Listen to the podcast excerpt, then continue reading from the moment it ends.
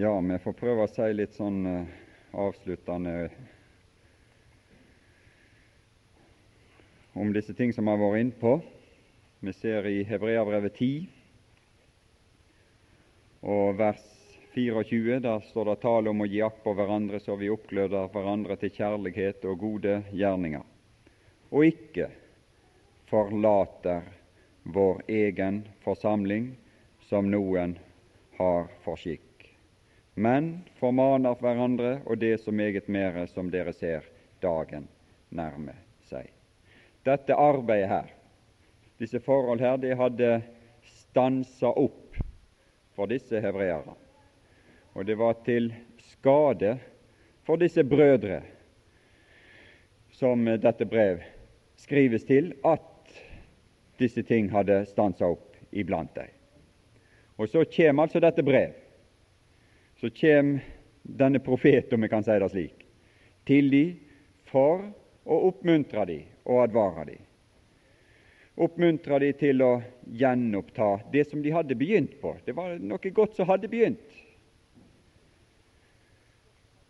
Men at det som de hadde begynt på, at de måtte videreføre det. Og til dette, og til denne gjenopptagelse av dette arbeidet, så var det knytta løfter. Vi hadde et løfte i kapittel 10 og vers 36, 37, 38 der, knytta til det å tre deg inn i helligdommen. Ved tro skal du leve. Og vi har et løfte i kapittel 12 og vers 26. Hans røst rystet den gang jorden, men nå har han lovt og sagt Ennu en gang vil jeg ryste ikke bare jorden, men også himmelen. Men det ord 'ennu en gang' gir til kjenne en omskiftelse av de ting som rystes. Her er den dagen som nærmer seg, da Gud skal riste alt og omskifte alt, og, og alle menneskelige byggverk skal rase i hop og avdekkes til grunnvollen, som det står. Avdekkes til halsen, så det er borte fra jordens overflate. Men fordi de er skapt. Så de ting som ikke rystes altså det er noe, han, han, han har brakt fram for oss ting som ikke rystes, noe som skal stå. Det er en mulighet for oss å involvere oss i noe som skal bestå, og ikke rystes, men skal bli ved. Derfor da vi får et rike som ikke kan rystes. Det er det som er, er dette løftet. Så la oss, så skulle det avføde noe frukter i våre sinn og i vårt indre. La oss være takknemlige og derved tjene Gud til Hans velbehag med blygsel og frykt for vår Gud. Det er denne Gud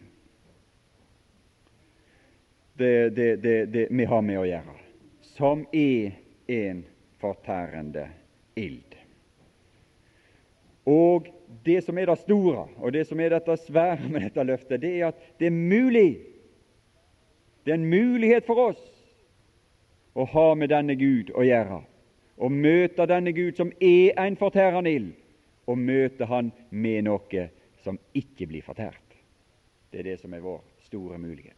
Og det er det som dette løftet dreier seg om.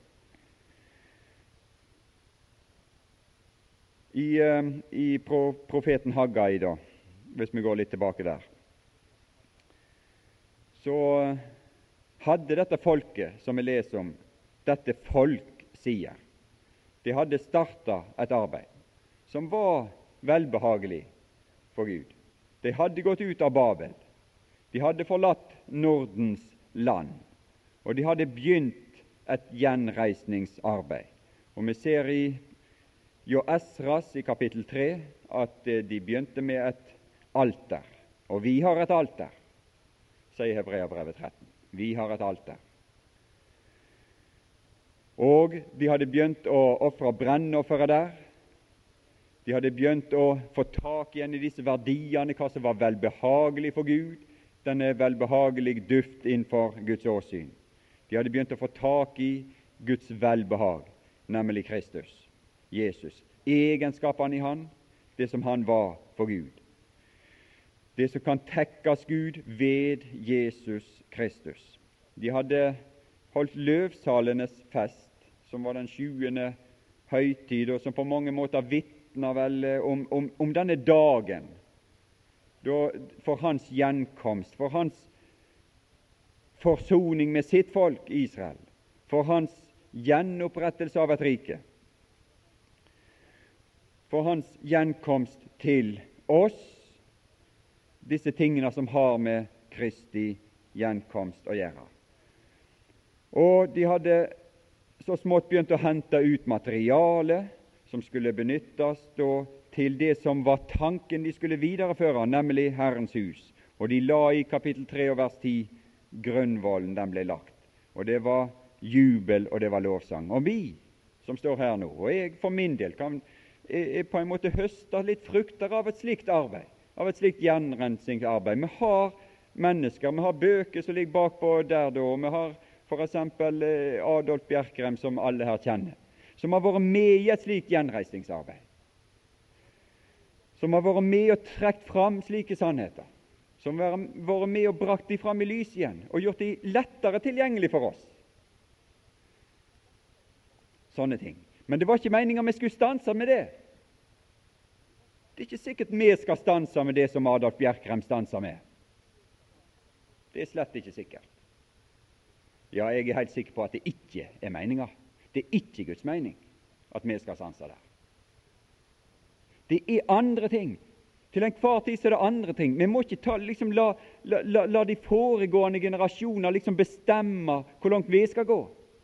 Vi må gå inn og hente dette, for, for, uh, hente dette ut igjen og finne ut hvor langt vi skal gå. Hva skal vi gjøre? Hvor, hvor går veien vår i vår tid? Det er litt vi finner ut av. Den tro. Vi må gå tilbake i Judabrev til den tro som én gang for alle er overgitt til de hellige. Det, vi skal hente ut den for vår del og disse, disse uh, sannheter. Hvor går veien vår?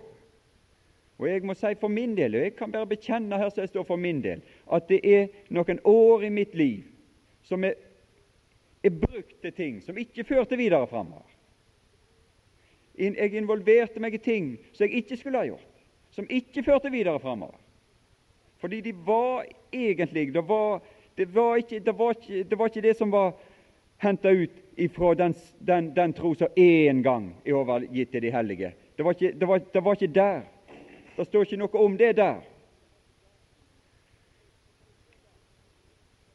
Så vi må prøve å, å, å vurdere og dømme og bedømme våre hvor, hvor skal vi være? Hvor, hva slags sammenhenger skal vi være i? Hva slags forbindelser skal vi være i? Hvem er det som skal gi oss råd? Hvem er det vi skal frykte? Hvem er det du skal frykte? Hvem er det jeg skal frykte? Og når de da fikk dette her bud, og denne, dette, dette, dette, som skjedde med at, eh, at uh, Haggai og Sakarias ble sendt til dem, det ser du at arbeidet lå nede. Det stansa opp dette arbeidet i Esras i kapittel 4, på tross av sterke uttalelser, på tross av i og for seg sterke bekjennelser eller uttalelser, så lot de seg overvelde av vanskelighetene, overtale av råd som medførte at det som Gud egentlig hadde tenkt for dem, det stansa opp. Og så lå det nede. Men eh, du ser i, da, i, i kapittel 4 og i vers eh, 5 så står det at de leide noen folk til å gi råd som var til skade for dem, og fikk således gjort deres forehavende til intet så lenge perserkongen Kyros levde, og siden helt til perserkongen Darius tiltrådte regjeringen. En periode på i hvert fall en 15, 16, 17, 18 år. Nå går Esras videre her og beskriver fortsatte vanskeligheter som Guds folk kom opp i.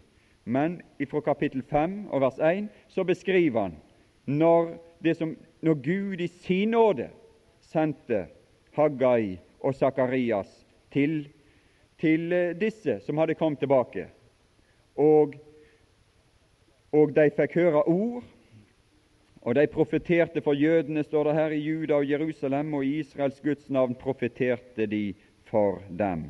Da tok Serubabel, Sealtiels sønn, og Josva, Josadaks sønn, til å bygge.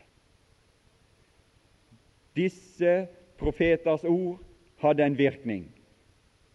Og Vi, leste i, fra profeten Haggai da, litt i formiddag, når, når, han kom med disse ord, og de, de, de, de fikk dommen, og de fikk muligheten i vers 8, Haggai 1,8. Gå opp i fjellet og hent tømmer og bygg huset, så vil jeg ha velbehag i det og herliggjøre meg, sier Herren. Og så sier han ifra vers 9 og videre vel, det kan velge å fortsette, men det blir til tap. Det kan velge å fortsette med det det holder på med nå, men det blir til tap. Men dersom det, det, det vil begynne å bygge på Herrens hus, der, dersom det vil, vil, eh, vil, vil, eh, gå inn i det, så skal jeg ha velbehag i det og herliggjøre meg. Og I vers 12 så kommer dette spennende verset, dette spennende punktet. Og så står det her denne, denne, denne gode utgang på det hele. Og Serubabel, Sealtiels sønn, og Josva, Jehosedags sønn, ypperste presten, og alle de, og alle de som var igjen av folket. Her var det noen ledere, og her var det folket som i fellesskap hørte på Herrens, sin Guds røst, og på, og på profeten Haggais ord, fordi Herren, deres Gud, hadde sendt ham, og folket fryktet det folket som før hadde frykta eh, disse som bodde nært de der rundt om, som hadde frykta eh, liksom eh, de, de, de, andre folk, som det sto her. De andre folk som hadde gjort de motløse. Det folk fryktet for Herren. De frykta for Herren. Det som, eh, det som eh, det skjedde fortsatt. Det var, ikke, det, var uten, det var, ikke, uten, kamp, det var ikke uten, uten eh, problem, dette her òg, når vi går tilbake til Esras 5, når de, når, når de begynte der. I, I, Esras 5 og vers 2 da tok Serubabel, Sealtiels sønn og Josva, Josedaks sønn, til å bygge på Guds hus i Jerusalem, og Guds profeter var med dem og støttet dem. Og Det ser vi i Haggai, og det ser vi i Sakarias, hvordan liksom Guds ord stadig er der. Sant? I den sjette måned, i den sjuende måned, i den åttende måned så er det vel kanskje at Sakarias trår inn, hvis du leser Sakarias. I den niende måned, i den tiende måned første gang og i den tiende måned andre gang. Vi ser liksom hvor, hvor de var der og fikk støtte. Det var Guds ord, Guds ord, Guds ord ble sendt, Guds ord kom, Guds ord kom. Hele tida. For å være med og støtte støtte oss i dette arbeidet. Vi, vi, vi trenger støtte. Og til stadighet var det dette Guds ord, Guds ord, Guds ord. De støttet dem. Og Det står her òg i vers 8 i Esras 5,8 Arbeidet gjøres med iver og har god fremgang under deres hender.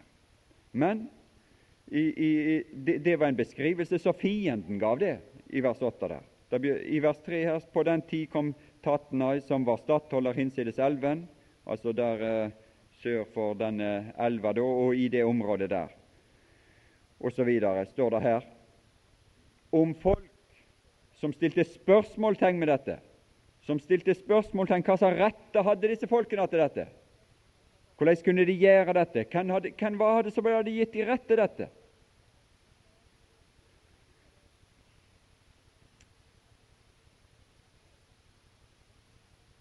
Har de rett til dette? Og er dette den beste måten å gjøre det hele på? Men de fikk et svar, og det kom et svar. Det kom et svar om at de hadde rett. Det var denne veien de skulle gå. Det var dette som var Herrens vilje. Og Det står enda til i vers 10 her at, at han, han, som hadde bøyd kongers hjerter til å utferdige dette Det står enda til at han sier her i, um, i um, ja, eh, Jeg sa vers 10. Jeg vet, jeg vet ikke om det var akkurat det jeg mente. Men det står et eller annet om her i ja det er vel i kapittel 6 og vers 10 jeg mente. Så kommer svaret derifra, så de kan bære frem offer til en velbehagelig duft for himmelens Gud. Her kommer dette velbehaget igjen. Her kommer hele tida dette velbehaget som har med å tjene Herren, som har med å gå inn i Herrens hus.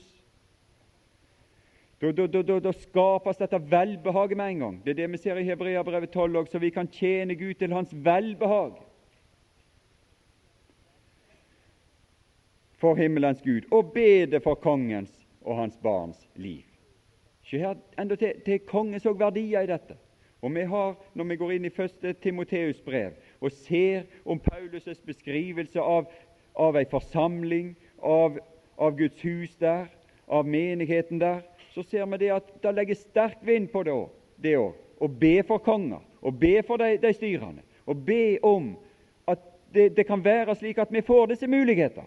For det har ikke alltid vært disse muligheter. Vi har disse mulighetene. For 200-300 år i, i, i, dette land så hadde vi ikke disse mulighetene. Nå behøver ikke gå så langt tilbake heller. Behøver ikke gå gå, gå veldig mye mer enn 100 år tilbake, 200 år tilbake, så er det ulovlig, dette som vi driver på med her. Men nå har vi myndigheter som har tillatt dette, og vi har en oppfordring fra Paulus om å be for våre styresmakter, be for konger, be for de som er i høy verdighet, så vi kan leve et rolig og stille liv. Så vi kan utføre dette arbeidet uten at vi må gjøre kamp til blodet, som det står om i, i, i Hebreabrevet 12. Vi slipper, vi å gå så langt som i Hebreabrevet 12, at vi behøver gjøre motstand like til blodet i vårt kamp mot synden. Det trenger ikke vi. Vi er i den lykkelige situasjonen at vi ikke trenger det.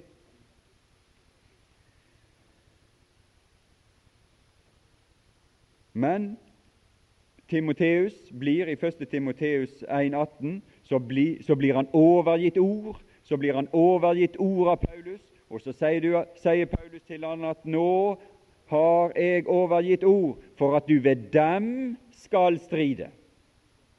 Det at det var slike muligheter, betyr ikke at, at det er uten strid, at det er uten kamp. Dette byggearbeid følges alltid med kamp. Det følges alltid med strid. Det er strid og bygg. Strid og bygg, det følges hånd i hånd. For at du ved dem, ved disse ordene, skal stride, sier, står det i 1. Timoteus 1, 18. Tilbake til, til Esras 6 litt der, som beskriver dette når de har starta, og som beskriver den gode framgang som skjedde der. Og I vers 14 jødenes eldste ble ved å bygge og gjorde god framgang. De forsøk som ble gjort på å stanse dette, denne gangen så lykkes ikke de forsøk, fordi at folket fryktet Herren. Mens profeten Haggai og Sakarias, Iddos sønn, støttet dem med sin profetiske tale. De bygget og fullførte arbeidet etter Israels Guds befaling. Det er der befalingen kommer ifra. For Israels Gud er det som har gitt befaling om dette. Men han har gitt ei befaling, og han har bøyd denne verdens konger og makter og myndigheter til å gjøre det mulig å gjøre dette arbeidet i verden. Det var en stund det ikke var mulig, men nå var det mulig etter Kyros og Dairos og perserkongen Artaserkses befaling. Og huset ble fullt ferdig til den tredje dag i måneden Adar i det sjette år av kong Darius' regjering. Da sto huset der. Men det var mye arbeid som gjensto, men da sto huset der. Og eh, så står det i vers 16 Israels barn og presten og levitten og de andre som var kommet hjem fra fangenskapet, holdt høytid og innvidde dette Guds hus med glede. Med glede. Det er frukten. Glede. Det er det som er frukten. Det er det som er frukten av å gå og frykte Herren. Det er glede. og gå dit, dit han har sagt.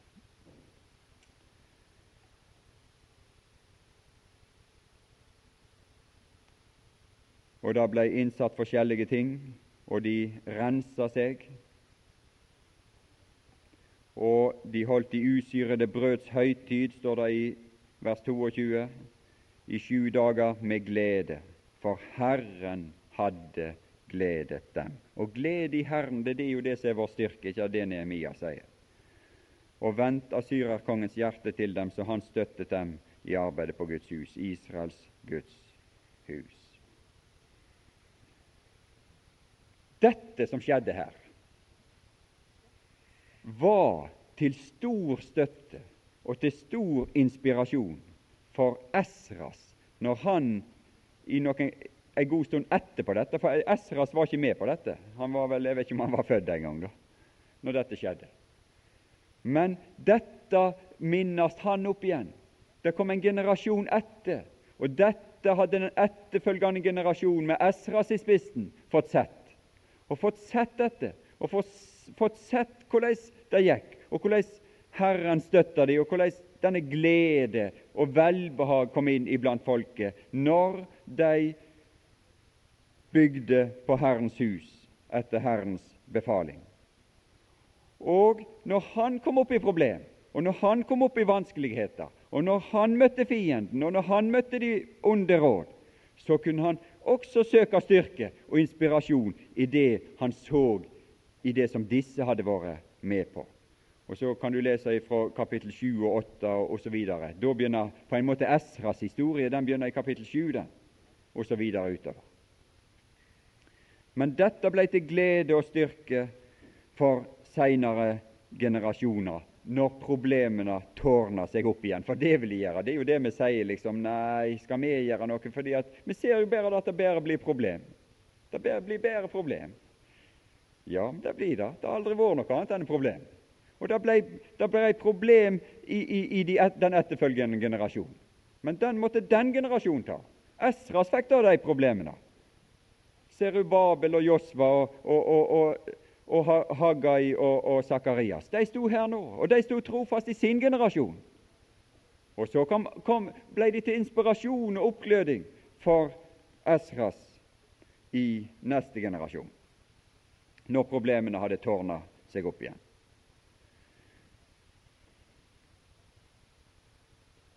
Haggai og Sakarias kom, måned etter måned etter måned. Til stadighet kom de med Herrens ord. Herrens ord kom, Herrens ord kom, Herrens ord kom. Hvis vi bare tar et lite blikk inn i Sakarias Jeg har ikke så mye å si om Sakarias.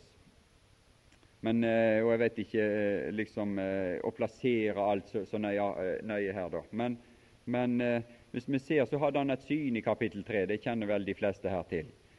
Der han ser forsoningen. Der han får Da så lot han meg se Josva. Så lot han meg se. Så åpenbarte Gud ting for han. Så lot Herren han sjå.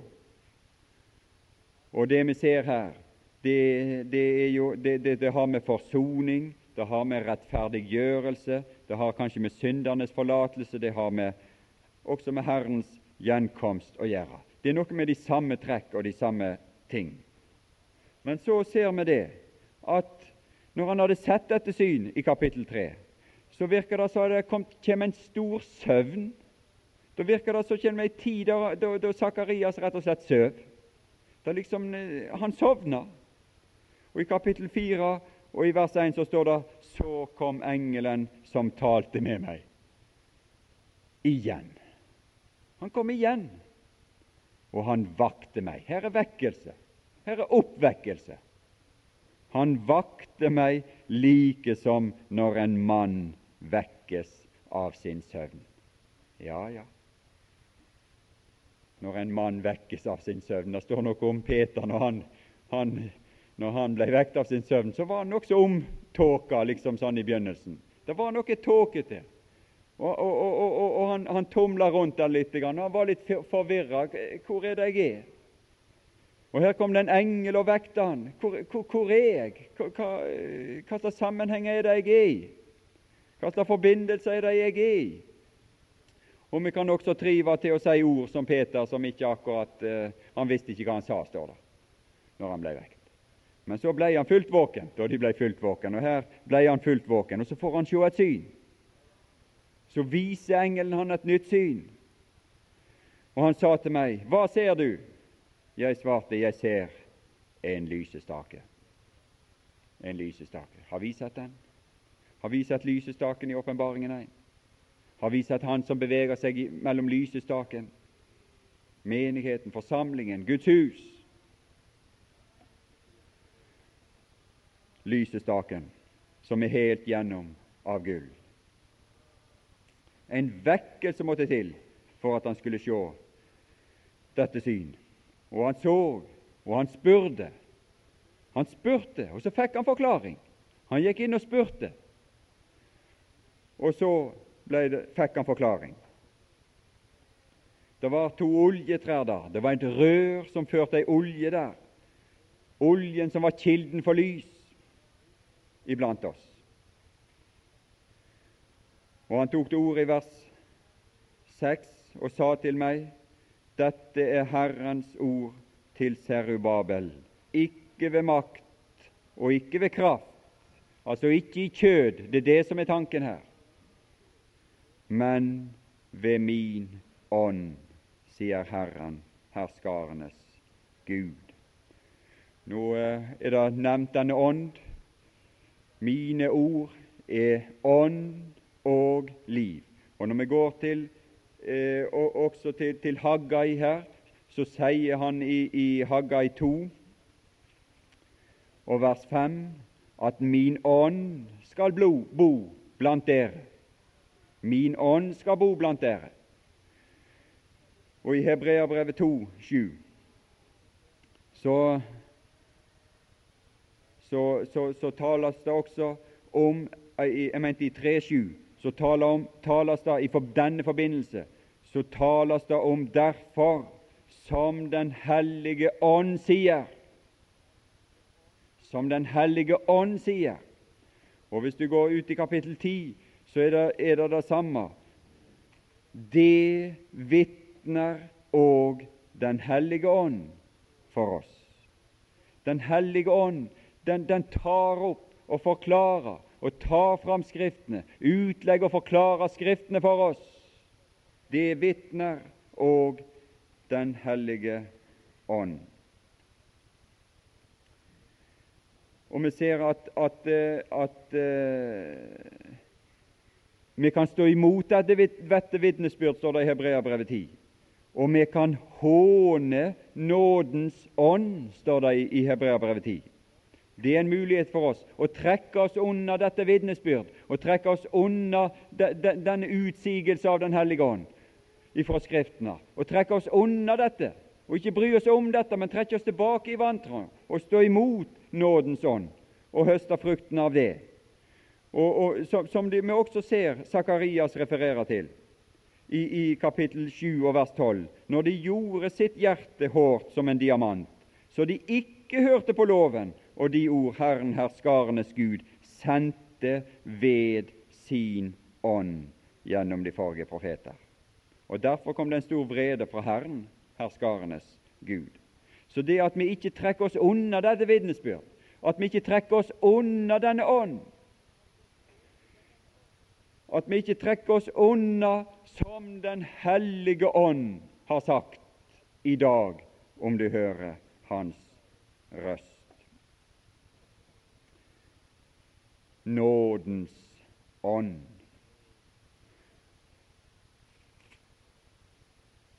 Ikke ved makt og ikke ved kraft, men ved min ånd, sier Herren, herskarenes Gud.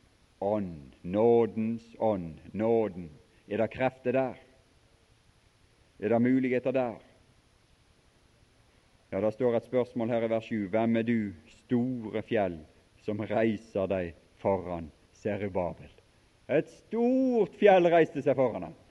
Uoverstigelig. Umulig. Men bli til en slette. Bli til en slette. I dette, i denne kraft, i, i nådens styrke, i nådens kraft, i Åndens kraft, om du vil, så kan du gå fram. Og så kan disse uoverstigelige hindringer, dette uoverstigelige store fjell som stilles framfor deg, så blir det til ei slette. Så blir det til ei slette. Så kan du gå fram. Og så gikk Serubabel fram. Og i, i, kapittel, eh, i kapittel 4 i Sakarias vers 11 og ut der til vers 14 så står det om denne ånd og dens forbindelse med troen. Hvordan den tilfører dette lys, eller denne kilde til lys, olja inn i, til, fram til denne gullysestaken med sine lamper. Så dette lys blir spredt her i menigheten. Da må det være en forbindelse. Det, det, det, denne forbindelsen må ivaretas. Hva er, står det eh, i vers 11, da tok jeg til orde og sa til ham, hva er disse to oljetrær ved lysestakens høyre og venstre side? Og jeg tok annen gang til orde og sa til ham, hva er de to oljegrener tett ved de to gullrenner som gullet strømmer ut av? Da sa han til meg, vet du ikke hva disse er? Jeg svarte, nei, Herre. Da sa han, det er de to oljesalvede som står hos all jordens Herre. Og det er disse to salvede, det er disse to tjeneste som, er, som, vi, som, som, som, Jesus nå representerer fra nådens trone, som vi bekjenner oss til, nemlig apostelen og ypperste presten. Det to, to det, det, det vi bekjenner Jesus som vår apostel og vår ypperste prest. Og vi må ha denne forbindelse for at denne forbindelse med tronen, med den trone der Han sitter, kront med herlighet og ære Vi må ha denne forbindelse, for det er gjennom rør ifra denne troen at det skal tilføres oss lys og krefter, så vi kan fungere i forsamlingen i som en gull lysestake. Han går, han går der, står det i åpenbaringen. Han beveger seg der. Så dette trenger vi å se. Vi trenger å spørre, og vi trenger å se. Og han vil se, han vil gi. Han gir så villig. Det er så fint å se her i Sakarias. Liksom denne, den, denne villigheten. Sakarias spør. Han spør, og så er det denne villigheten. Den som mangler visdom, han ber Gud, og han gir så villig. Men vi må tre det fram der, og vi må la oss vekke. Og vi må la han ruske litt i oss, som han måtte gjøre med Sakarias her i kapittel 4.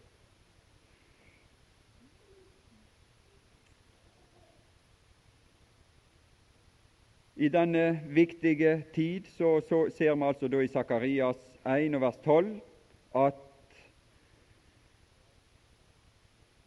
De frykta Herren. Jeg sa, sa jeg Sakarias, eller jeg mente Haggai 1,12. At de frykt, folket fryktet for Herren. Da sa Haggai, Herrens sendebud i Herrens ærend til folket, Jeg er med dere. Så fikk de en kraftig medhjelper. Jeg er med dere. Med en gang er han der. Når et menneske begynner å frykte Han, så er han der med en gang. 'Jeg er med dere'. Og så opplevde de hans nærvær. Og så vakte Herren slik iver hos Serubabel og hos Josva og hos hele det folk som var blitt igjen, at de kom og arbeidet på Herrens sin Guds, herskarenes Guds hus. Det var på den 24. dag i måneden i den sjette måneden i kong Darius' annet år. Dette er, er, er da, det er da gitt et løfte over dette arbeid. Det er knyttet et løfte til dette arbeid at selv om dette arbeid ikke kom til å ruve så svært For det, menneskene ble ikke imponert over dette arbeid som ble satt i gang her. Men selv om det ikke var et imponerende, ruvende arbeid, så var det et arbeid som var til velbehag for Gud. Og de hadde, fikk det løftet over seg at dette arbeidet skal bestå for evig. Serubabel, dette arbeidet skal du få med deg inn i den evige verden, og der skal dette arbeidet stå fram i herlighet. Der skal dette arbeidsherlighet komme til sin fulle rett. Det er løftet, og det er løftet som er gitt også i Hebreabrevet 12 på slutten der. I den 20. måned, kapittel 2 i Haggai, i den 20. måned på den på den 21. dag i måneden kom Herrens ord ved profeten Haggai, og det lød så:" Si til Sarubabel, Sealtiels sønn, stattholderen over Juda, og til Josvas Jehosadaks sønn, ypperste presten, og til dem som er igjen av folket.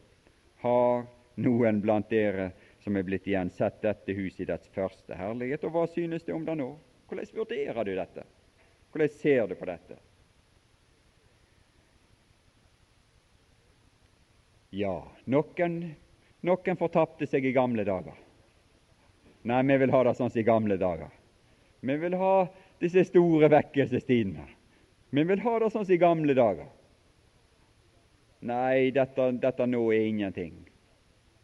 Og Noen går veldig langt tilbake og sier at vi skal ha det slik som i apostelgjerningene 2 og 3 og 4.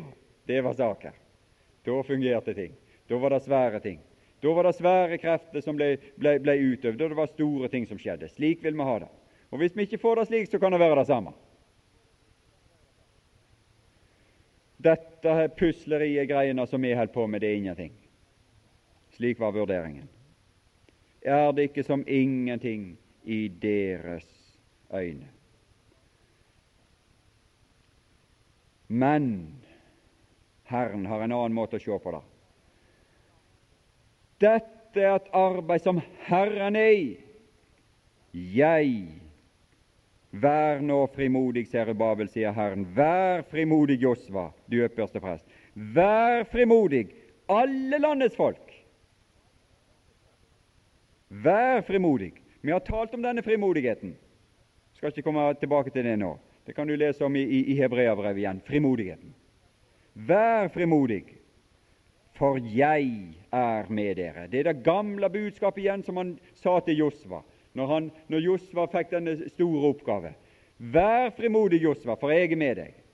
Og i, i, i denne ytterst vanskelige tid i Israel, når, når, når de var pressa av midianittene, når avguderiet hadde blitt så stort i Israel at de lå under for midianittene og var, var, havna inn i fjellhull oppi der og gjemte seg i redsel for disse, så var det en som, som dog vågte seg litt fram og sto der og ville berge litt korn. Ville berge litt. Grann. Og så var det, var det velbehagelig for Herren, og så sto det en dag og, og, eh, en dag og sa Du djerve kjempe. Du djerve kjempe. Du er kjempa. Ja, men jeg som er, er, er den minste, den ringeste etter Manasseh, og jeg som er den yngste i min fars hus eh, hva er jeg? Herren er med deg. Når Herren er med deg, Herren er med deg. Du skal gå. Og det var Gideon. Og vi har mange slike eksempel. Jeg er med deg. Jeg er med deg. Har du lest? Har vi forstått? Har vi begynt å lese? Har vi begynt å skjønne noen ting? I, i Hebreabrevet 12, vers 29. Vår Gud vår Gud. For vår Gud er en fortærende ild. Har vi begynt å skjønne hva slags størrelser vi har med oss? Vår Gud er en fortærende ild. Men denne vår Gud har gitt oss et løfte om noe som ikke skal fortæres. Et arbeid, et byggearbeid som skal bestå i Hans ild. Når alt av mennesker brenner opp, når alt av mennesker ryster sønder og sammen, så har denne vår Gud, som er en fortærende ild, gitt et løfte om noe som skal stå. stå. Det er mye det er mye du bør, burde ha kommet inn på, både i første Korinterbrev, som jeg har vært så vidt inn på her, så mektig, og første Peters brev, og mange andre plasser. Timoteus-brevene ikke minst. Mange ting. Men, men, men, kanskje det kunne være en tilskyndelse til å begynne å gå inn og se, for å forstå hva vi skal gjøre, og hvordan vi skal gjøre, og hva slags forbindelser vi skal ha. Et byggearbeid, noe som ilden ikke skal fortære. Vær nå frimodig. Og tilbake i Hagga i 2.5. Den pakt Ja, vi leser om ei pakt i Hebreabrevet 10. 29. Som er ringakta, som folk ikke bryr seg om, og så de trekker seg unna. Men den pakten står like fast for det. For de som vil gå inn i den pakten. Den pakt jeg gjorde med dere da dere dro ut av Egypten, skal stå fast. Og min ånd, de ånder nådens ånd. Når Herren er til stede iblant oss, er det nådens ånd. Når Paulus hadde vært inne i Herren, så kom han ut med nåde og fred. Og så bevegde han seg inn i forsamlingen, inn til oss, inn til oss. Og så ånda var den, omgav han seg med en atmosfære av nåde og fred. For han kom ifra han kom med den ånd som er nådens ånd, og han hadde vært jo den Gud som i Hebreabrevet 13 kalles for fredens Gud. Han hadde vært inne for den trone. Og det er noe av disse karakterer, noe av den opplevelse, noe av den atmosfære som skulle være i dette hus, skal stå fast. Og min ånd skal bo iblant dere. Frykt ikke. Og Så kommer dette løftet i vers 6 og vers 7 som eh, vi leser også i Hebreabrevet 12. Jeg vil fylle, står det i vers 7, jeg vil fylle dette hus med herlighet. Meg hører sølvet og meg hører gullet til, sier Herren herskarenes Gud, dette siste hus. Og så løfter han dette siste hus, dette som siste hus. Det løfter han inn i den evige verden, og det skal bestå for evighet. Det ble resta igjen av dette hus i, det, det sto jo for så vidt her. Og det, det, det, var mye elendighet som kom i den videre historien i dette hus. Det ble fylt med mye elendighet. Det var store problemer. Og, og huset ble for så vidt også jevna med jorden. Gud kunne ikke bruke det lenger. Merkelig. Men likevel, det, det, som skjedde her, var velbehagelig for han. Det var velbehagelig for han at disse folkene her ville gjøre dette. Og han løfta dette huset og forener det med sitt herlighetshus i den evige verden. Det skal bestå. Det arbeid som Serubabel og Josva og folket gjorde, skal bestå i evigheters evighet. Det skal bestå. På dette sted vil jeg gi fred, sier Herren, herskarenes Gud. Det skal åpenbares en dag. Det var velbehagelig. Det som var ingenting. De så på det, det var ingenting i deres øyne. Men i Sakarias 4 så så de sju øyne, de sju Guds øyne så på dette, dette hus. Og om det var forakta og ringeakta av mennesker i Sakarias 4.10, hvem vil forakte den ringe begynnelsesdag? For dette var den ringe begynnelsesdag. Men med glede ser de syv øyne, de sju Guds øyne, ser blyloddet i Serubabels hånd, for disse Herrens øyne som farer omkring over hele jorden. Og så så han noen som var begynt å ta fram redskaper, som var begynt å ta fram tegninger, som var begynt å ta fram de tingene som skulle til for å bygge dette hus. Redskapene, det som skulle til for å bygge dette hus. Og så var det velbehagelig. Og så var det glede. Det var til glede for Herren. Og vi ser noe av denne glede som Herren har også i Hebreabrevet 13, 12 og 13. Når, når Hans begynner å, å fungere så smått i dette hus. Slike offer står det i 1316. Slike offer tekkes Gud. Det er til glede for Gud. Det gleder Gud. Når vi, når vi begynner å bruke våre midler, og når vi, vi glemmer ikke å gjøre godt og dele med andre, Når vi ikke, ikke sitter og, og, og, med, med, med, våre penger, og vår ferd blir preget av pengekjærhet, som det står i, i, i vers 5. Og liksom her, den, den, Denne lysten etter penger og mer velstand, når det er den som preger vår ferd. Men når vi begynner å dele, når vi begynner å dele ut, så er det velbehagelig for Gud. Glem ikke å gjøre godt og dele med andre av de ressurser vi har. Og Hvis det er penger du har, så del dem med andre. Og Hvis det er stort hus du har, så del det med andre, slik det står i vers 2. Del dette huset med andre. Glem ikke gjestfriheten, for ved den har noen uten å vite det hatt engler til gjester. Og Hvis du har et bra spiskammer, så del det med andre. Eller hvis du har andre ressurser på andre måter, andre rikdommer, som, som, ikke kan måles på den måten. Så deler med andre. La oss dele med andre.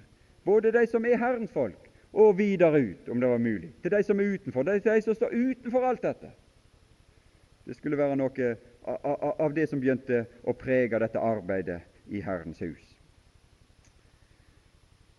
Kom fangen i hu, medynk, kom fangen i hu som deres medfanger, dem som lider ondt, siden dere òg selv er i legemet. Dette med omsorg, dette med medynk, dette å sjå til. Det står om å sjå til enker og faderløse i deres nød. Det er en sann og usmitta gudstjeneste. Å sjå til enker og faderløse, de som har behov i deres nød, og holde seg sjøl usmittet av verden. Usmittet, rein.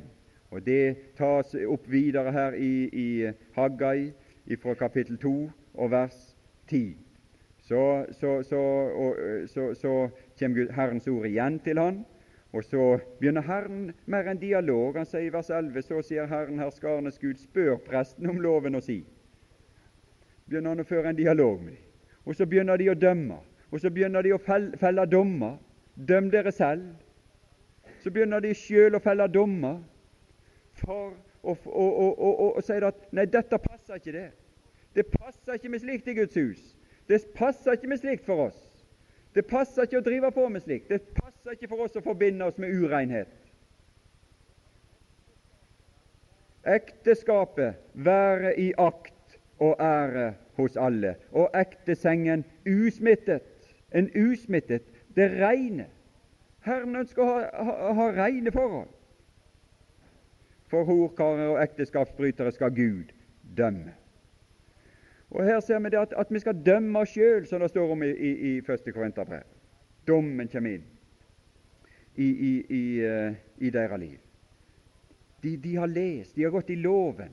Spør prestene om loven og si. Ja, prestene spør oss. Gå inn i, i første Peters brev. Har vi vært såpass inn i saker og ting at vi kan si hva som er reint, og hva som er ureint? Hva, hva, hva, som går an, og hva som ikke går an for den som er troende?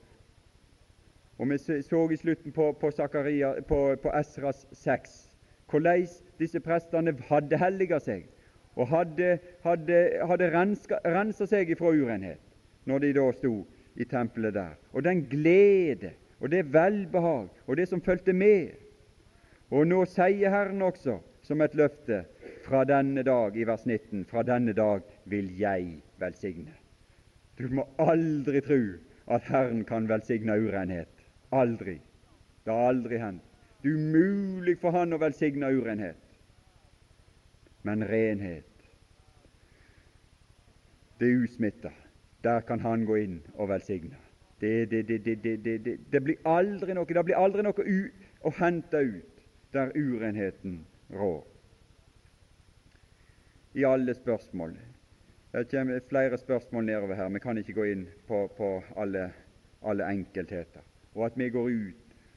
Her står det tale om å gå utenfor leiren. Her står tale om å, å, å, å, bryte alle den slags forbindelser som har med denne verdens leir og disse, det som menneskene har stelt i stand her, men gå ut til Han utenfor leiren og bære Hans vanære.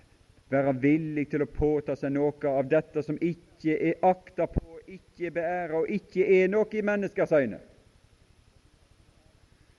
For vi har ikke her en blivende stad. For det er ikke menneskenes dom til, overhodet ikke. Det, det, det har ingenting å si hva menneskene bedømmer om disse tingene her, men søker den kommende.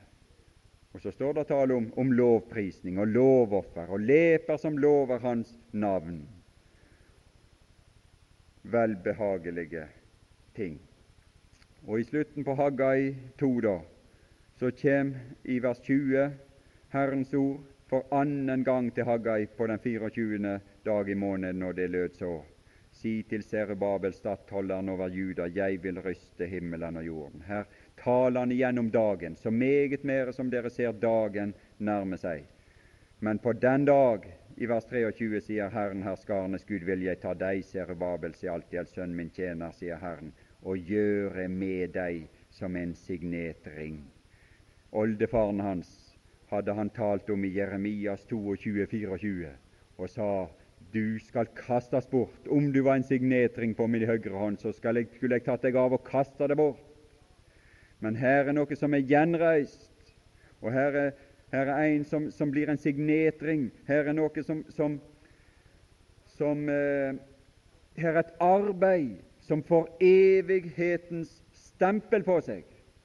Så det blir gravd inn noe som skal være i Herrens hånd, og som skal ha evighetens stempel på seg, en signet ring. Og dette ble løfta opp og inn i herligheten.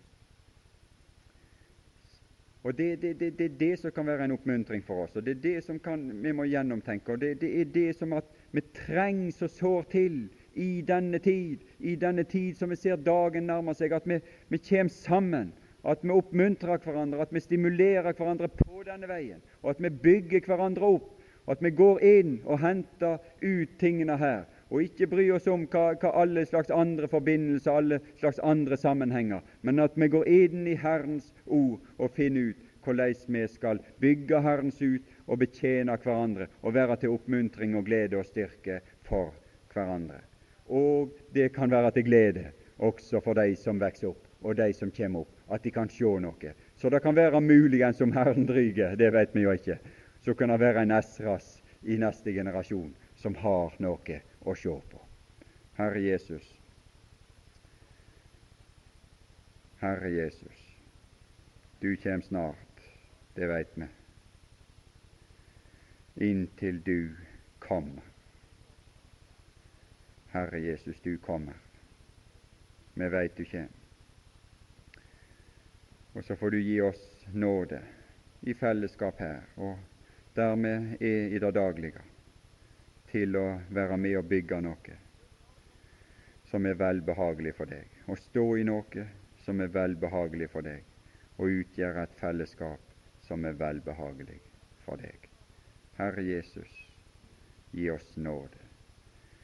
Vi takker for løftet, at du vil være med når vi vil frykte deg, at du vil være med og arbeide, du som er større enn arbeidet, du som er større enn huset, du som har gjort alt, du som er over alle, du som er den store, store skikkelse. Herre Jesus, du har brakt oss i kontakt med og inn til Han som er vår Gud som er den fortærende ild. Herre Jesus, skap denne takknemlighet. Skap denne takknemlighetens ånd og dette velbehag i våre liv, som vi tjener deg med blygsel og frykt.